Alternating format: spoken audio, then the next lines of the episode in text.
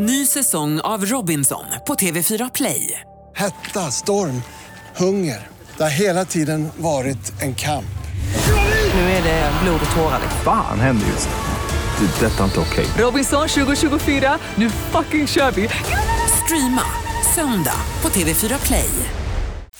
Hej, jag heter Gry Forssell och du lyssnar inte på radiostationen Mix Megapol. I alla fall inte just nu, för du ska ju precis höra ett nytt avsnitt av Mord mot mord. Men först vill ju vi säga hej. Hej, hej, det här är NyhetsJonas. Det här är Carolina Widerström. Åh, här är gullige dansken. Ja, och så Gry då, då. Det vi vill säga är att när du har lyssnat klart på den här podden, då får du gärna lyssna på våran. Vi spelar in ett nytt avsnitt varje morgon av våra podd Kvartsamtal. Och hela radioprogrammet blir ju också en podd om man är väldigt morgontrött eller så. Just det, om man missar morgonen ja. Men mest av allt så får du gärna lyssna på programmet i direktsändning varje morgon på Mix Megapol. Live varje morgon från klockan sex och då har vi med oss massor med vänner också. Thomas Bodström, Babben Larsson, Johan Pettersson, Christian Luuk. Massor med coola människor som bara dyker upp och gör livet bättre. Ja, som jag, gullige dansken. Exakt så. Och så mycket bra musik och annat skoj såklart. Så vi hörs när du vaknar på Mix Megapol. Podplay.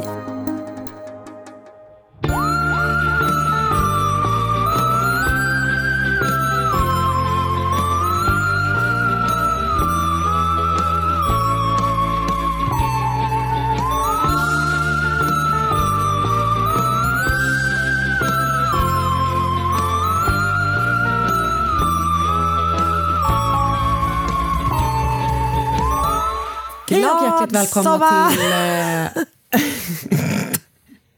Okej, vi var försynkade. Vad sa du? Vi var försynkade. Var vi, alltså det var typ, antingen skulle man kunna säga att vi var för synkade eller totalt osynkade. Någon av dem. Jag väljer att vi är i total synk. Du menar alltså att du ser glass half full sink? Yeah, Mm, jag gillar det. totally. Eh, jag hänger på ditt spår. Vi är så synkade. Så att det, Det är så helt härligt. Eh, och så blir det ju när vi eh, har sommar, När vi är på att säga. Inte så synkade längre. Inte så synkade, men jag känner mig typ inte ens synkad med min egen hjärna, om du fattar. Du, jag fattar precis. Där är vi helt synkade. Där är vi helt, helt synkade. Att vi inte har någon som helst connection mellan hjärna. Eller, och eh, vad heter det, mun. vad heter Hjärna det? och hjärta. Hjärna och hjärta har vi inte heller. Det har du helt rätt Nej. i. Eh, Jag har nu sjunkit ner i eh, min soffa här på landet. Djupt ner. Hur Gud är, vad härligt. hur är din position idag? Jag, jag sitter alltså på en extra stol i plåt. Eh, bara rakt upp och ner. På riktigt gör det. Rakt upp och ner, mitt i ett rum. Eh, liksom bara, Framför vår säng. Gud, det känns som att du är med i en typ, alltså att du utsatts för en kidnappning typ. Men det är typ som ett sånt, eller vet du vad det också känns som? Antingen det, det har du faktiskt rätt i. Eller så skulle det här kunna vara en gren i typ så Robinson. Om jag hade varit på en öde ö. Och inte haft en stol. Vem Utan att du sitta bara skulle- längst på den här obekväma stolen? Och då får man totem, eh, eller vad heter den? Gud, det så länge sedan jag såg sån. Robinson. Jag med. Eller vi, vi, vi gav det ett försök. Ja. För att vi hade hört att det var spännande liksom, och Ja. bra. Man har ju ändå kompis Ja. att kolla liksom. Ja, absolut. Och, eh, men när vi började kolla så fanns det 40 avsnitt, vilket genast avskräckte mig. Men såg hur, ett. hur kan det finnas så många? Går det varje dag? När det Jag går? tror att det går typ som måndag till torsdag. Nej, jag gillar inte det. Jag tycker inte det är bra. Och vet du vad, jag också kan känna typ så här. Det där är... Nej, Jag vet inte, jag tror att jag verkligen känner så här. Ge mig det bästa du har. Ja, men vet du vad jag tycker är en lagom frekvens? Det är så som de visar Bachelor. Eh, inte svenska, för det, eller det tittade jag i och för sig också på. Det gick svenska varje dag. varje dag. Jag menar det. Ja, exakt. Eh, men eh, Bachelor Australien, två avsnitt varje måndag. Då hel- kan man portionera ut det som man själv behagar. Ja, det tycker jag är bra. Jo, men för jag Mm. kan också typ känna så här, fan ni har ju anställt klippare. Använd dem. Exakt, ta inte allt ni Nej. spelar in under en tre veckor på Robinsona. Exakt. Jag Eller känner verkligen så. Men det är, Mm. sa du att vi skulle gå vidare?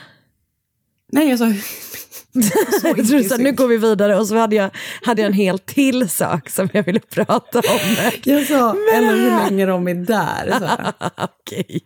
Du ville bara klargöra att du inte visste om det var tre veckor. Ja, det kanske lät lite kort, tänkte jag plötsligt. Nej, det är typ ganska, eller? Ja, vi har jag har ju ingen aning.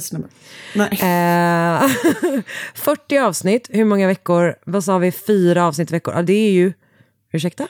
Det är ju fler än, eh, det blev ju tio veckor då. Oj, ett helt sommarlov. Inte, de, måste ju, de gör ju flera avsnitt av en och samma dag. Just det. Inte heller Säkert. bra. Inte heller bra. Ta en Nej. dag och så gör det. Alltså, Det är Big Brother. ja, men för jag, grejen är att jag tror typ att det är det här som, att det är liksom big, den försenade Big Brother-effekten som vi ser här. Som är det här att först så gjorde vi typ liksom, först fanns inte reality och sen så kom reality och då var det fortfarande liksom så här, sen så fick man för sig att så här, jag vill se allt, jag vill se det riktiga. Och då var då de började visa Big insåg man- Brother dygnet runt liksom. Sen Nu är vi på sluttampen. Nej, exakt. Alltså, toppa innehållslaget tack, innan jag kommer in i matchen. Intressanta tider to be alive. Verkligen. Och också säger vi som typ har en podd där vi inte klipper bort någonting. Utan det är bara Där vi sånt pratar här i evighet, dygnet runt. Lyssna på oss när vi bara donar och fnolar med olika saker. ja, det är väl det som, det är, det som är livet. Det är det vi gör. Ja, det gör vi verkligen. Förutom Robinson då, har vi sett eller hört eller lyssnat på något annat bra? Jag eh, har sett en, en väldigt bra SVT-dokumentärserie som var så fruktansvärt sorglig. Eh, det är en sån dokument inifrån. Du kommer ihåg den här ehm, dokumentärserien som handlar om den här barnrättsorganisationen? Ja, absolut. Ja, det, han Bo Göran Bodin som har gjort den, har gjort också den här. Och den heter Fallet Carlos. Och eh, handlar... Oh, jag har sett reklam för den. Ja, eh, vi har sett, det är tre avsnitt, vi såg det sista igår. Eh, det är alltså en, en, en kille, jag tror att han är typ 22 eller någonting. Han försvinner liksom spårlöst i ett litet samhälle som heter Strömsund. Eh, Han är typ ute och cyklar, vilket han gjorde liksom hela tiden typ. Och eh, han liksom försvinner spårlöst för typ 20 år sedan. Eh, och eh, det är inte uppklarat och man har aldrig hittat en kropp, man har aldrig hittat hans cykel. Och det är liksom en så här jätteliten ort typ och folk såg honom ja, men du vet, hänga vid kiosken typ, med några ungdomar är typ så sista, sista saken man ser.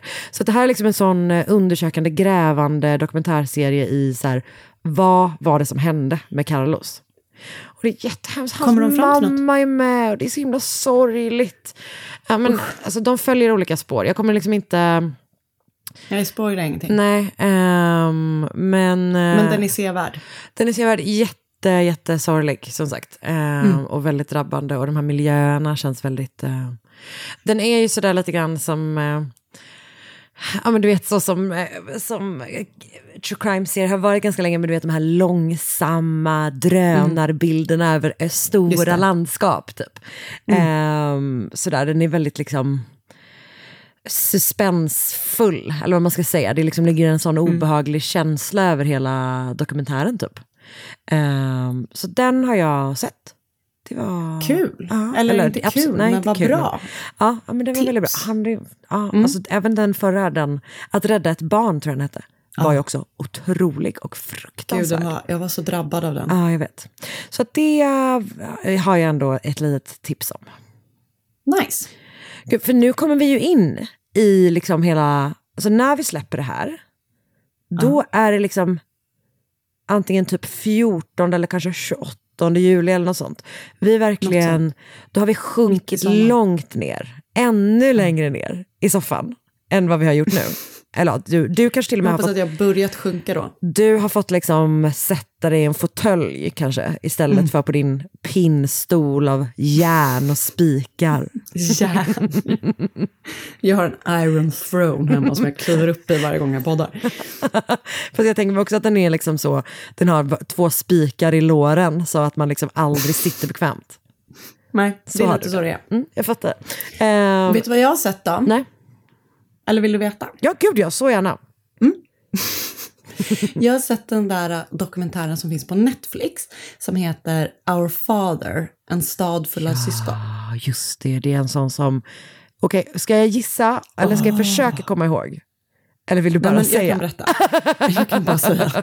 Kul att Det är alltså en eh, fer- fertilitetsklinik i någon så här ganska liten stad ehm, i USA. Mm.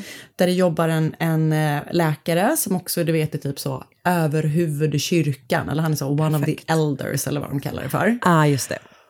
Och ehm, sen så är det då när 23andMe, eh, alltså DNA, Ah, ah. eh, de familje-DNA-testerna började komma, eh, så är det någon som b- b- gör det här. Som bara, jag har sju halvsyskon i min stad. Och det tycker de är konstigt för att enligt då den här fertilitetskliniken så använder man inte sper- samma sperma eller sperma från samma donator mer än tre gånger. Så de bara så här, okej, vad konstigt typ. Och sen så bara fortsätter det att dyka poppa upp, upp. halvsyskon.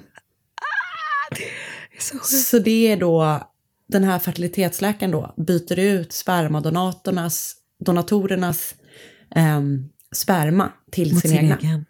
Men vad är det? Alltså, Nej, vad det är så sjukt. är det? Är det bara att man har ett sånt liksom stor, gravt jävla... Alltså det är Liksom storhetsvansinne, typ. komplex. Ja. Att man bara är så här, det är den är här äckligt. världen Och- behöver. Också farligt i en liten stad, eller? Ja, för det var det, de, det, det, det, det då hans typ för detta kollegor sa, att anledningen till att de bara skulle använda den här tre sper, sperma från samma donator tre gånger är för då att man ska säkerställa typ att inte ett syskon får barn med sitt syskon typ. Nej, det är så. Och i, när den här dokumentären gjordes så var det typ så 100, om det var 116 eller ännu flera halvsyskon som hade upptäckts. Men alltså det är... Och det bara fortsatte att dyka upp och dyka upp så här. För att grejen är typ så här, alltså vi berättar ju hela tiden om folk som typ gör saker och begår brott som är väldigt, väldigt svåra att förstå, eller typ inte går att förstå. Liksom. Eh, både de här one-off-mördarna, men förstås liksom de här monstruösa seriemördarna typ. Och det är ju om- omöjligt att förstå. Men det här, det förstår jag verkligen inte. Nej, det Alltså förstår du vad jag menar? Typ, att Alltså, det det är är så så här, äckligt. Ja, men det är ju fruktansvärt äckligt och ett, uppenbarligen sånt jävla typ, ett övergrepp. Liksom. Mm. Men det är också bara att jag inte förstår eh, motivet. Och vad Nej. döms man för? Alltså, vad Nej, är brottet? det precis det finns ett brott? Nej, det är det som är så sjukt. Att när han då dras inför rätta, okej, folk som vill se den här som inte vill veta hur det slutar, nu kommer jag berätta det ändå. För det förstör ändå inte historien. Nej, nej. Eh, han, då han dras inför rätta och eh, döms för typ så här, han, jag tror han var fy, böter på 400 dollar. Nej. För någon, du vet så, grej som egentligen inte hör till saken, om du förstår vad jag menar. Ah, ah. Men sen lyckas då de ändå få till någon slags lag som är typ så förbjuder liksom att, att eh, typ man, sprida stoppa in sin, sperma man jobbar som infertil. Ja. eh, och det sjukaste är också att i sluttexten så bara, det finns, de har typ upptäckt att det är typ 43 andra fertilitetsläkare i USA som gjort samma sak. jag får panik! Mm. Men då måste ju de verkligen ha dragits till... Eller man undrar Nej, vad som är kom så- först. Om det var att de bara, jag ska bli det här så att jag kan stoppa in min sperma överallt. Eh, eller är Jag det så tror här, inte det. Jag tror inte det är det som kommer först. Eller? Kanske i vissa Jag, fall. jag, jag, tänker att, jag tänker typ att man bara inser vilken sjuk makt man har. Att man verkligen blir som någon så här... Att man leker med typ liv och... jag skapar liv typ. Och det som var så hemskt tycker jag att vissa, vissa par, vissa då kvinnor visste, eller vissa par eller eh, ensamstående kvinnor eller liksom vad, oavsett vad det var, visste typ att så här, min mans sperma är oduglig och sådär, därför tar vi då donator. Ja, Eller oduglig kanske var ett ofint lät, ord, men det, ja. det lät grovt. Ehm, Vad heter det? Otjänlig. Otjänlig, tack. Det, det låter, ja, jag vet Ehm, inte. Den, den, det, den funkar. Min man kan inte, kan inte få barn på biologisk väg. Precis, så. Ehm, och, då, men, och då visste de då att de fick en spermadonator. Men vissa par eh, använde, och jag vet inte varför de gjorde det exakt, men använde sin egen sperma. Och så bara är det helt plötsligt inte den som är använd. Nej, Det är helt sjukt. Mm. Det är helt sjukt. Ja, Otroligt sån skrämmande historia. Och flera av de här eh, barnen då eh, Mm. är intervjuade och även då kvinnorna som har blivit utsatta för det här övergreppet. Det är helt sjukt. Men det måste ju vara om man typ... Eh, visst finns det att man typ eh, liksom fryser embryon? Är inte det en grej? Jo, jag vet inte säkert. Jag, jag tror det. Eh, om man kanske, alltså så att man, då har man väl, om man kan då, eh, makens sperma tror jag. Men ett kanske. embryo är väl när det redan är sperma och ett ägg? Ja, men det är det jag menar. Alltså, att du frågade varför man, an- du sa så här, jag vet inte varför man gör så. Om man har, okej, vi har gått vilse. Jag, jag, tror inte att du, jag tror inte att du har svar på min fråga. Ja, Jo, men det har jag väl. Om du sa Nej. så här, du, att du bara, ja om, eh, i vissa fall Jo, så men hur trodde kunde att... han byta ut sperman från ett färdigt embryo? Nej, nej, nej, nej, det jag menar är att, det jag menar är så här, att då befruktade han kvinnans ägg med sin egen sperma, så det Jaha, okej, embryot. man gör det utanför. Okej, jag fattar. Okej, jag fattar vad du menar. Vilket haveri.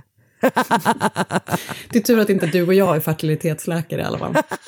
Du, vi hade gjort det bättre än honom i alla fall. Ja, det, jo, det hade Vi hade det stoppat in rätt sperma. Det kan man verkligen säga. Det får man ändå ge oss. Det får man ge oss. Det får man verkligen ge oss. Ja, Men vad gör du, den här veckan Ja. är ju då en liten specialare, Exakt. som jag brukar säga. Det brukar du verkligen göra. Och eh, det är en specialare på det sättet att den här veckan så blir det bara ett fall. Och det är du som kommer berätta om det fallet. Precis. Är du redo? Eh, jag är redo. Alltså det här är ju liksom, de här avsnitten är ju typ de, för, för liksom de lyxigaste man gör. Att jag, man, Alltså, verkligen. verkligen. Man får bara ligga och lyssna Kick på en... relax. Verkligen så. Jag känner mig liksom som en upphöjd version av våra poddlyssnare. För att jag kan ändå bryta in och du kommer höra mig. Det är bra. Du bara, det är kul när du inte svarar för att prove a point. I'm not gonna listen.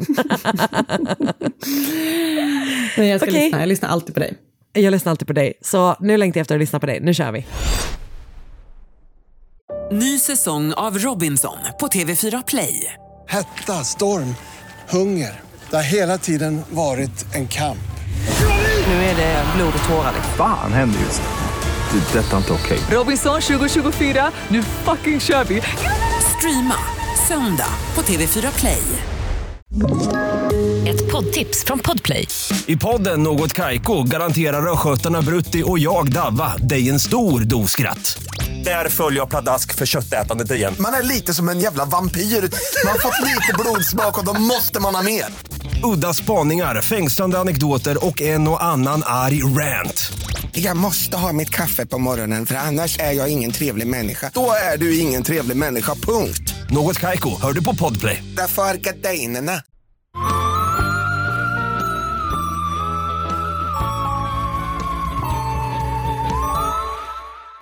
Stacey Cales föddes den 20 januari 1984. Hennes föräldrar, Christy och Anthony, och såklart då resten av familjen, drabbades både innan och efter att Stacey fötts av flera familjetragedier. För Christy och Anthony då, familj, äh, föräldrarna, fick först en son som de döpte till Hjelton. Sen fick de en dotter som döptes till Jessica, som tyvärr omkom i en brand innan Stacy föddes. Sen så då, alltså det är så hemskt. Det är, Usch, vad sorgligt. ja, det är, mm, jag vet. Och jag, och jag vet inte hur det hände, men, men det är fruktansvärt sorgligt oavsett. Sen så då eh, kom Stacy 1984. Och efter att eh, de hade fått Stacy så fick de en till dotter som döptes till Cassandra. Och sen fick de ett eh, femte barn som eh, döptes till Lacey. Och Lacey dog i plötslig spädbarnsdöd som liten bebis då. Så otroligt hemskt liksom. Så de, familjen har då förlorat två barn. Ehm, och det är ju en sån tragedi som man bara inte kan föreställa sig. Och de här otroligt tragiska händelserna tog såklart hårt på hela eh, familjen. Och eh, både Christy och Anthony började eh, dricka alldeles för mycket. Eh, liksom Ja. För att de, ja, för att dö- döva sina, sin sorg antar jag. Ja. Eh, och eh, det i sig då ledde till att de hade svårt att ta hand om sina barn på det, sina liksom efterlevande, kvar, vad heter det? Ja, de barnen som de hade kvar helt enkelt, på det Mm. sättet som barn ju verkligen behöver. Och framförallt kanske i liksom sorg. Eh, och så småningom började Anthony och Christys äktenskap att knaka i fogarna. Och efter flera anmälningar gentemot Christy för både rattfylla, snatteri, men också för domestic violence, eh, så skilde sig eh, Christy och Anthony. Och Anthony tilldelades vårdnaden om deras barn och eh, Christy hade även en dotter som sen tidigare som då hamnade i, eh, alltså i fosterhem. Mm. Och efter att eh, Anthony och Christy hade skilt sig så tappade barnen helt kontakt med Christy, eh, som verkar varit väldigt mycket så in och ut ur deras liv. Du vet att hon ena stunden dök upp för att hon ville ha kontakt med sina barn, eh, för att i nästa stund sen bara liksom försvinna och vara borta liksom längre perioder. Det gick inte att lita på henne alls. Nej, verkligen så. Och summan av alla de här otroliga, eh, otroligt sorgliga upplevelserna gjorde såklart att det liksom var väldigt tufft för alla barnen, Cales, när de växte upp. Elton, den eh, äldsta brorsan, eh, hamnade liksom snett och, det kan ju ha hänt ändå, liksom, men han började liksom pyssla med skumma saker och åkte så småningom in som ung vuxen i fängelse för sexuella övergrepp på en minderårig. Och eh, det verkar ändå ha gått bra för de andra barnen. Men Stacy då, som var mittenbarn, verkar då som tonåring ha varit något vilsen. Eh, och ett tydligt tecken på det tycker jag då personligen är att när hon var 16 år så träffade hon en man. Och jag säger man för att det här var då inte liksom en vanlig eh, high school eh. Utan mannen som hon träffade som 16 år gammal var den 54 år gamla Drew Peterson. Det är för, Nej. det är för Ah, nej. grovt. Ah, Och de träff hon typ jobbade extra som receptionist på något hotell och där träffades de och han då. Eh, Tänk att vara en 54-årig man och vara så här, vet du vad? Min tjej ska nog vara den här 16-åriga receptionisten. mm, det är för snuskigt, rent ut sagt. Och han, jag ska berätta om honom. Det, han är inte en toppenperson, kan jag säga. Skräll.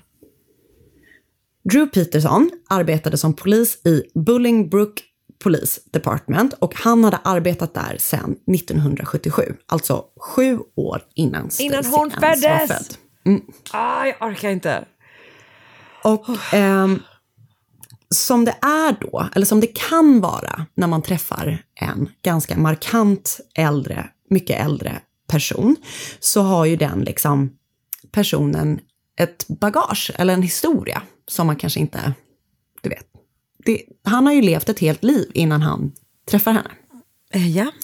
Och eh, han, har, ha- han har liksom sitt fair share of bagage kan man säga. För eh, när Drew var 20 år gammal så gifte han sig för första gången. Och då gifte han sig med sin high school sweetheart, Carol Brown. Och Carol och Drew fick två barn tillsammans, Steven och Eric. Och de är då alltså äldre än ehm, Stacy. De föds liksom i början på 70-talet. Mm, de är mycket äldre än vad hon är. Typ Mycket dubbelt så gamla. Typ. Nästan. Mm. Och eh, Carol och eh, Drew eh, levde tillsammans, eller de var gifta i sex år. Men efter sex år, där Drew ägnade sig åt att vara kontinuerligt otrogen mot Carol med olika kvinnor, så fick hon till slut nog och begärde ut skilsmässa. Men Drew, han var inte singel särskilt länge, utan bara två år efter att han skilt sig från Carol så gifte han sig igen den här gången med en kvinna vid namn Victoria Connolly, eh, som kallades då för Vicky. Och Vicky hade ett, eh, en dotter sedan tidigare. Men de gifte sig då och flyttar ihop och eh, när Drew och Vicky träffas så verkar det som att han är lite sugen på att byta bana i livet. Det här är då min egna tolkning. Men de öppnar då en taverna, en bar ihop. Mm. Och gud, den här trevligt. driver de då. Vad sa du? Trevligt. Det låter som ett trevligt liv ändå. Men jag vill inte göra det med honom alltså. taverna ihop. Nej, inte med Drew. Det har du helt rätt i. Vet du? Du slipper. Ah, skönt. Men även här då, i det här äktenskapet, så hade Drew ett så kallat wandering eye. Och Du var- älskar verkligen att säga det. och jag älskar när du säger har- det. Man har ju sina... Jag, jag vet vad jag har för några sådana. Och jag kan Ja, inte sluta toppen. säga dem. Nej, alltså jag gillar dem. Jag gillar dem så mycket. Bra. Jag hoppas att du verkligen menar det. Nej men snälla, Jag det kommer inte vet sluta. du att jag gör.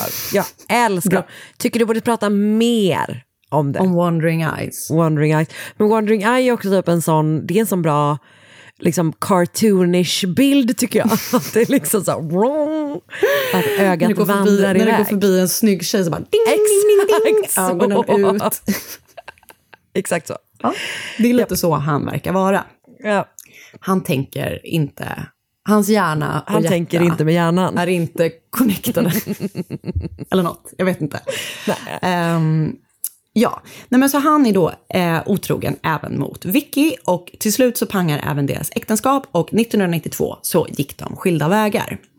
Och när de då skilde sig 1992 så var faktiskt Drew mitt uppe i en affär med en annan kvinna. Jag vill också bara kvinna. säga att när han skiljer sig från sitt andra äktenskap är hon alltså åtta år gammal. Det stämmer. Nej, ni- ja precis, det stämmer. 92. Ja. Du är så bra på matte, jag hänger inte med. Tack, snälla jag har tränat. Okej, Du då han Marcus en affär. matte-riddles varje kväll. Mattekluringar. Ehm, precis, han, hon är åtta år gammal när han skiljer sig för andra gången.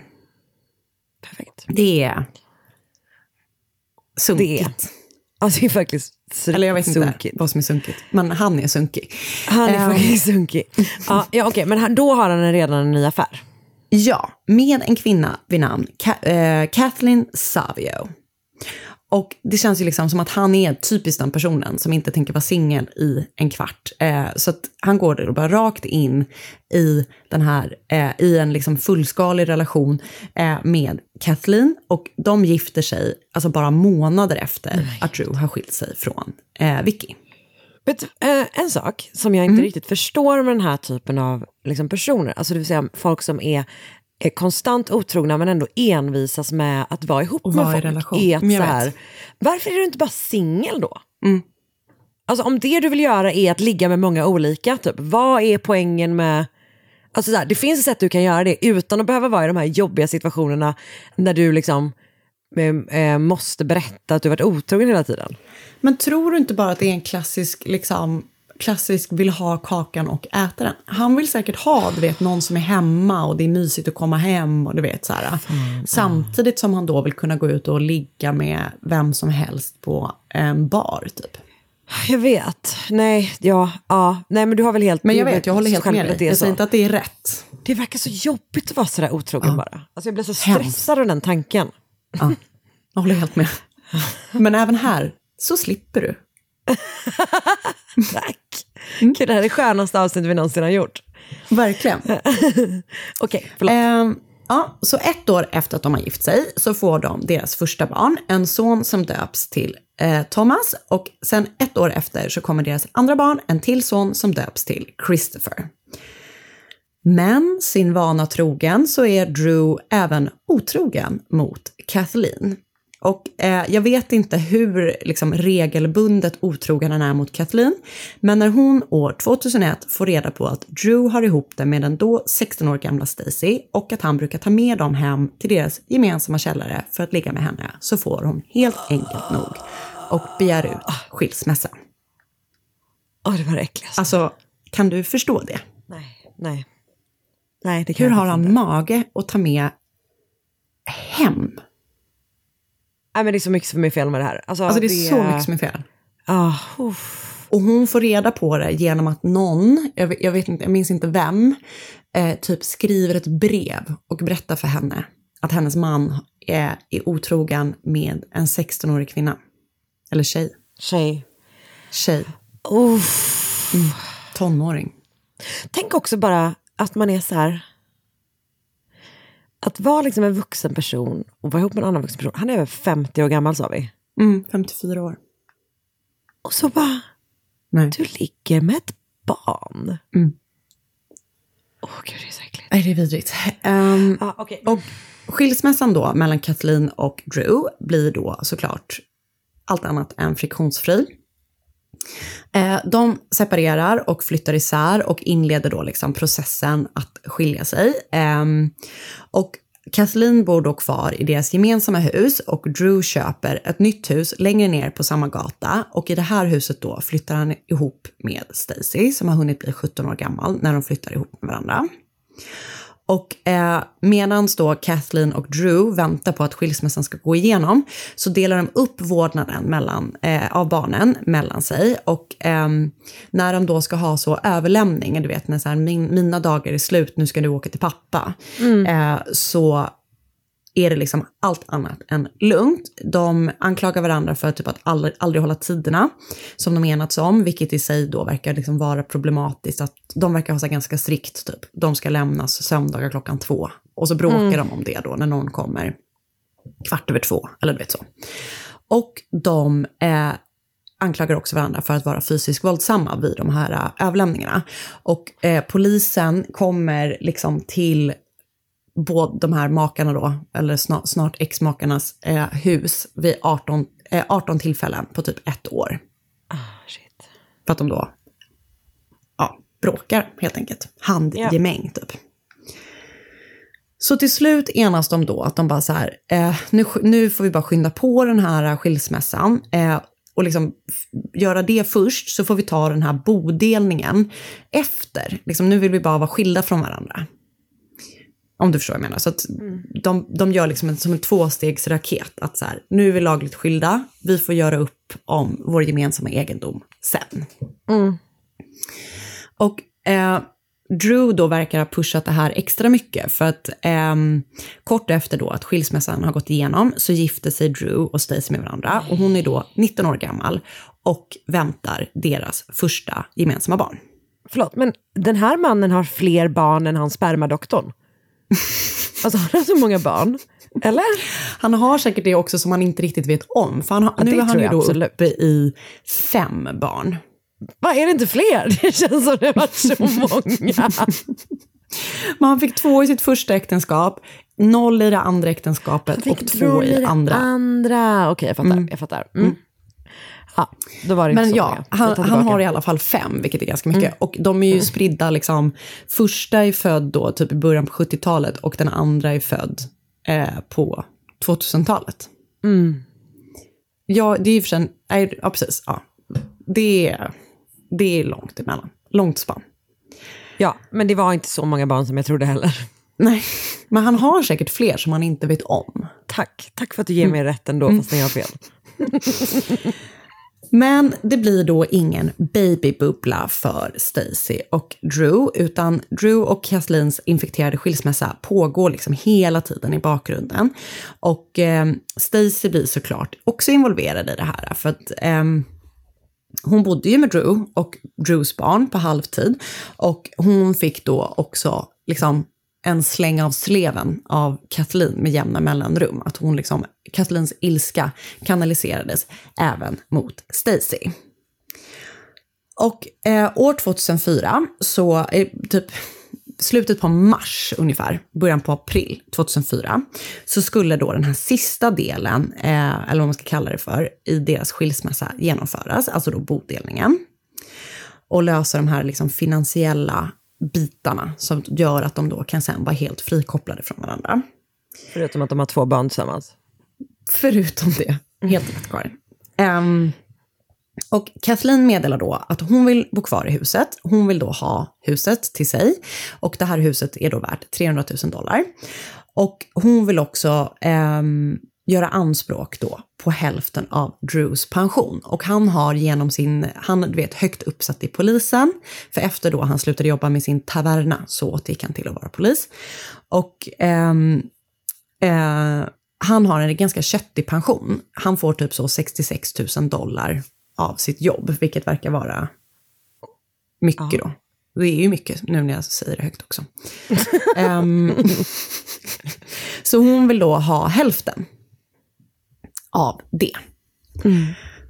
Ehm, så det ska de då göra upp.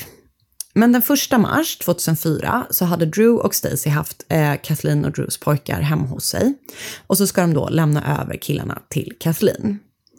Och ehm, Drew ringde till Kathleen upprepade gånger inför att han skulle komma och lämna eh, killarna. Eller om hon ska komma och hämta dem och hon inte dyker upp. Så det, är, det är någonting som sker vid överlämningen. Så han ringer henne gång på gång på gång. Men hon svarar inte. Så när han har ringt flera gånger så bestämmer han sig för att gå till hennes hus för att kolla läget. Så han går upp till huset, plingar på, men det är inget svar. Och eftersom han då visste att Kathleen inte skulle liksom uppskatta att han bara liksom steg rakt in i huset, så går han då till en granne för att fråga så här, kan inte du gå in och kolla läget? Och grannen säger då, visst kan jag göra det. Och så kliver grannen in. Väl inne i huset så gick grannen upp för trappan och väl där så gör hen en fruktansvärd upptäckt. För i badkaret ligger Kathleen och hon är inte längre vid liv. Hon är, som jag förstår det, naken och ligger då i badkaret. Polisen kallas såklart till platsen och eh, så, och inleder en utredning. Och de kommer snart fram till att Kathleens död var en olycka. De menar då att hon har drunknat i badkaret, att det hela var en tragisk olycka. Och de kommer fram till det här trots att badkaret är tomt på vatten när Kathleen hittas och hon har eh, ett ganska allvarligt liksom, sår i huvudet, eller skador i huvudet.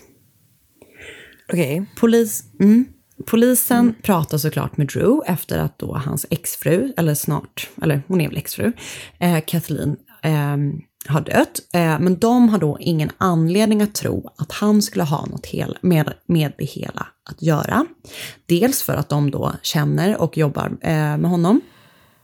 Eh, han är ju liksom, de, de menar att han är en good guy, han skulle aldrig Det- kunna göra någonting så här. Alltså, är det liksom samma, alltså samma polis, liksom Det department vet eller jag inte säga, om han- det är liksom hans avdelning. För han jobbar med typ narkotika, han har varit så un- undercover narkotikapolis och jag vet inte exakt vad han jobbar, vilken avdelning han jobbar med. Men jag vet inte om han jobbar liksom... Men det är samma station det är hans- eller vad man ska säga, liksom samma Nej. område typ. Men de vet vem han är och de vet Ja. att han är polis och de är bara så här, nej men you're good man, typ så. Jag fattar. Ehm, de pratar också med Stacy för att liksom höra, du vet, vad hon har att säga om saken. Och de gör det, förhör henne, när Drew är med i rummet. Och eh, hon säger att, han, eller att hon har varit då med sin man hela kvällen. Och ehm, ja, de har gått och lagt sig och han, hon har varit med honom hela tiden. Så att han har liksom inte, har inte kunnat ha utrymme att göra det här. Så Kathleens död eh, avskrivs helt enkelt som en olycka och efter att hon har dött så hittas ett testamente. Eh, ett testamente som var skrivet för hand och där Kathleen testamenterade all sin eh, egendom till, eh, som jag förstår det, men det låter konstigt, Drews eh, farbror eller morbror. Och hon har även en livförsäkring som eh, liksom tillfaller hennes barn, som är hög. Alltså, det är mycket pengar som de får ut. Liksom. Eh, och eh, efter då Kathleens eh, död så flyttade eh, Drew och Kathleens söner in hos Drew och Stacy. Och eh, eh, Stacy adopterar dem. Så att hon blir då liksom deras mamma. Eh, fast hon typ bara är ja, åtta år äldre eller något sånt där än dem. Ah, just.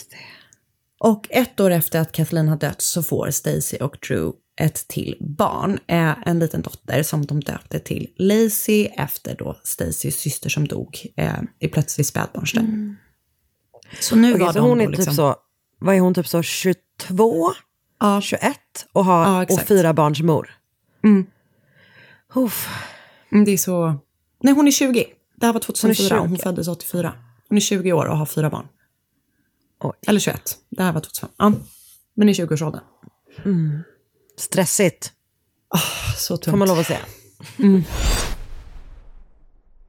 Ny säsong av Robinson på TV4 Play. Hetta, storm, hunger. Det har hela tiden varit en kamp. Nu är det blod och tårar. Fan händer just nu. Det. är Detta är inte okej. Robinson 2024, nu fucking kör vi! Streama söndag på TV4 Play. Ett poddtips från Podplay.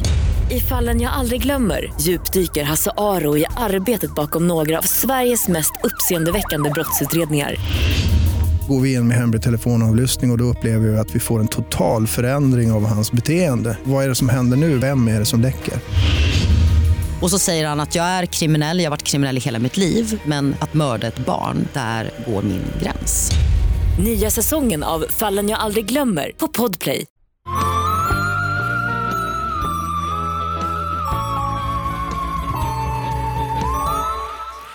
Eh, så nu bor då, då de sex som en stor familj. Och även Stacy och Drews äktenskap var, liksom, det var inte heller helt okomplicerat.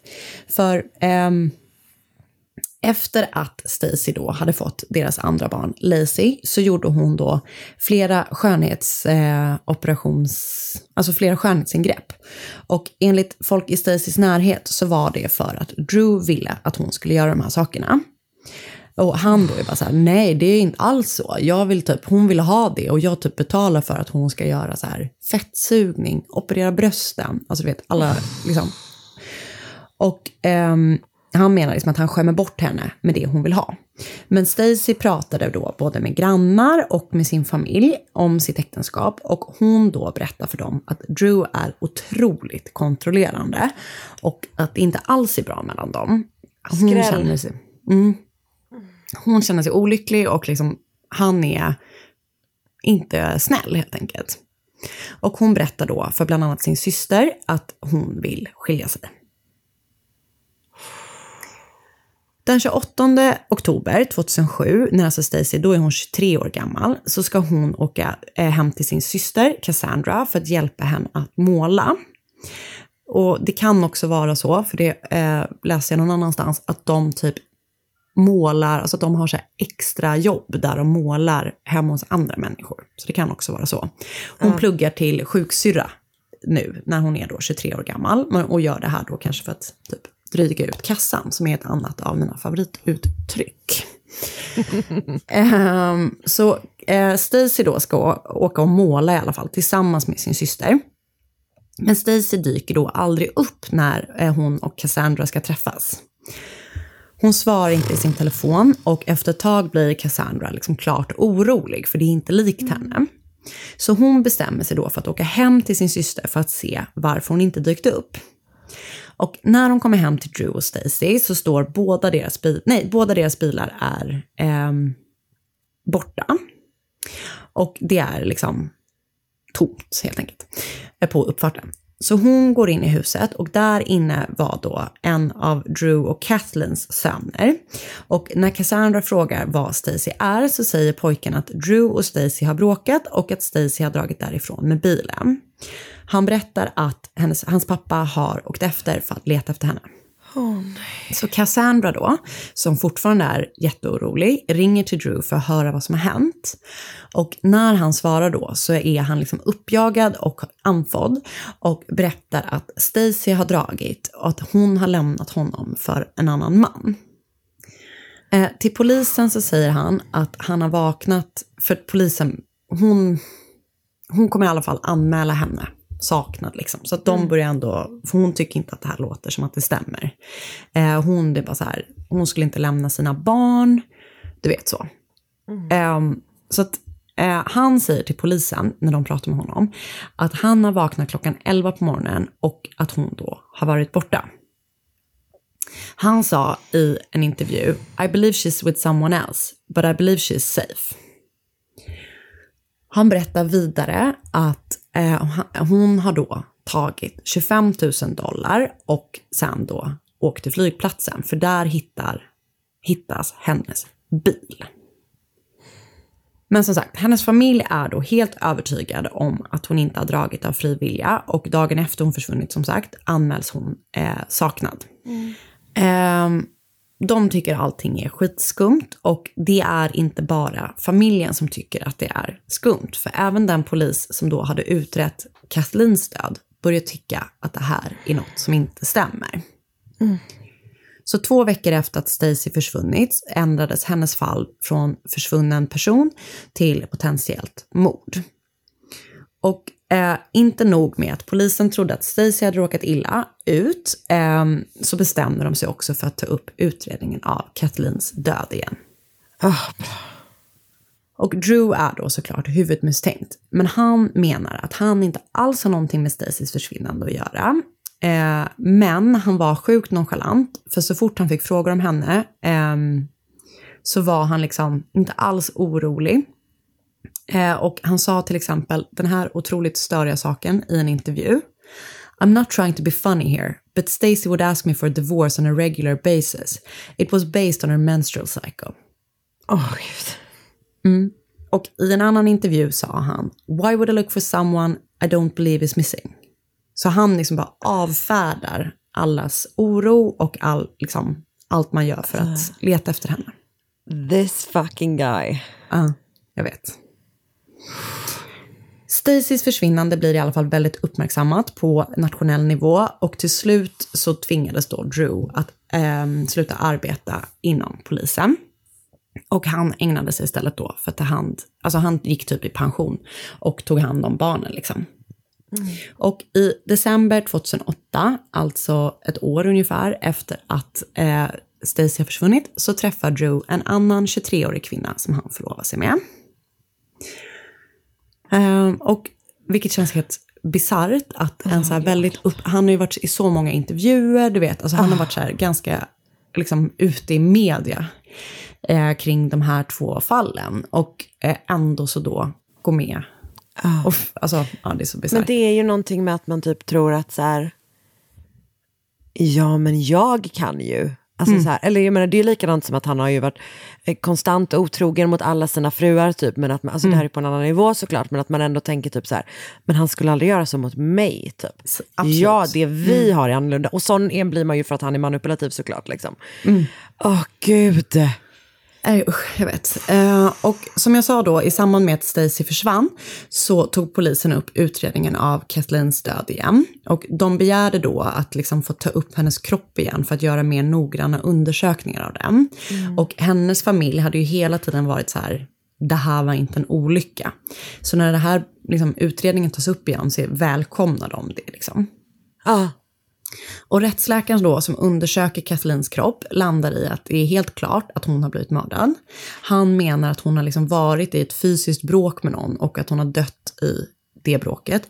Och att hon sen har placerats i badkaret efter att hon har mördats. Mm. Även flera av Drews fri, tidigare fruar och flickvänner vittnar om att han var våldsam, kontrollerande och hotfull. Och Vicky bland annat då, som han hade den här tavernan med, berättade att han vid eh, något eller flera tillfällen har sagt att han ska döda henne och få det att se ut som en olycka. Så den 7 maj 2009 greps Drew för mordet på Kathleen Savio. Det var då en kombination av den här nya eh, rättsundersökningen, eh, liksom, vet inte, rättspatologiska undersökningen av hennes kropp. Det är många vittnesmålen om att han då varit våldsam och hotfull och att han då faktiskt skulle tjäna rent ekonomiskt på hennes död. Just det. När det här händer så kommer det också fram diverse vittnesmål. Eh, Drews egna bror, eh, som hade drog och alkoholproblem, berättade då att Drew hade sagt till honom att Stacy ville skilja sig och att Drew var tvungen att ta hand om det. Han berättade att samma kväll som Drew har sagt det här så hade han ringt till brorsan och sagt att brorsan behövde hjälpa honom att flytta något från Drew och Stacys hus. När brorsan hade kommit dit då så hade han fått hjälpa Drew att ly- lyfta eller flytta en stor blå tunna till Drews bil. Brorsan berättade vidare att han sen inte mindes vad som har hänt. Och det var då på grund av hans missbruk. Och ehm, kort efter att Stacy eh, försvunnit så lades han, brorsan in på sjukhus för att han hade då försökt begå självmord. För att han hade liksom sån ångest typ, att han hade varit med om, gjort det här. Och Drew avfärdade då hela sin brors berättelse med att han då var hög och full och inte talade sanning. Men det fanns också vittnesmål som, liksom, som sa att de hade sett Drew och en annan man flytta en blå tunna från huset till Drews bil samma kväll som Stacy försvann. En annan person som klev fram var prästen i Stacys kyrka.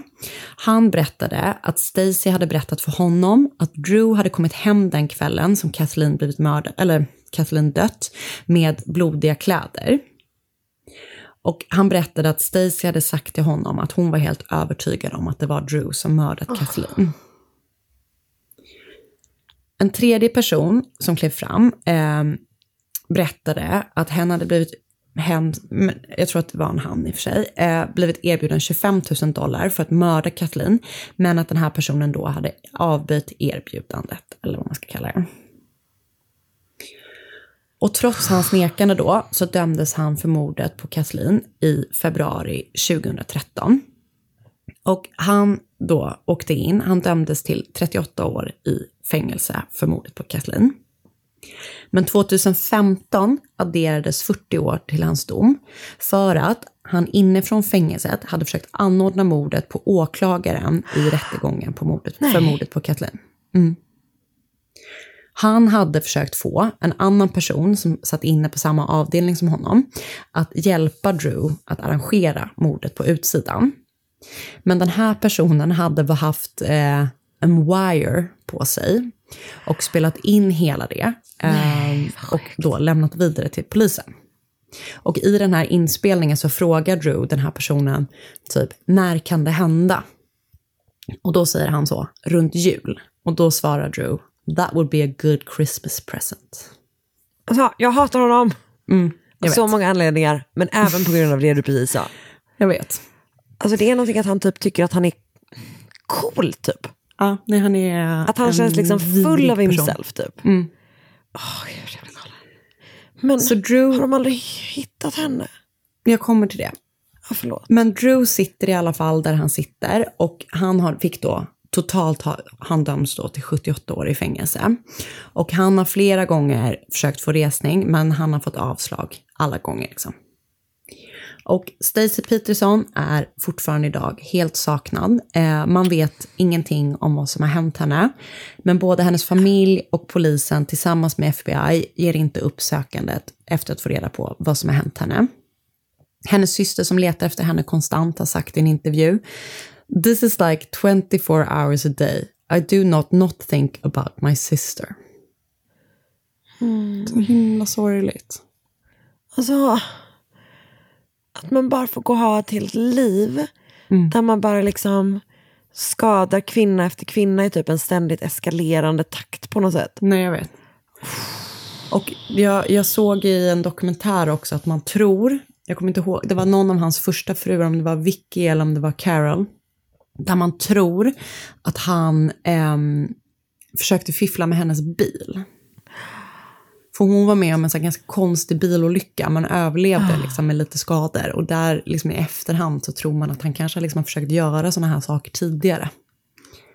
Men också tänk att han har gjort fyra av sina barn moderslösa. Ja. Ja, det är så Alltså att han liksom så här, eh, att hon fick liksom adoptera hans Kathleens barn och sen så mördade han henne med. Mm.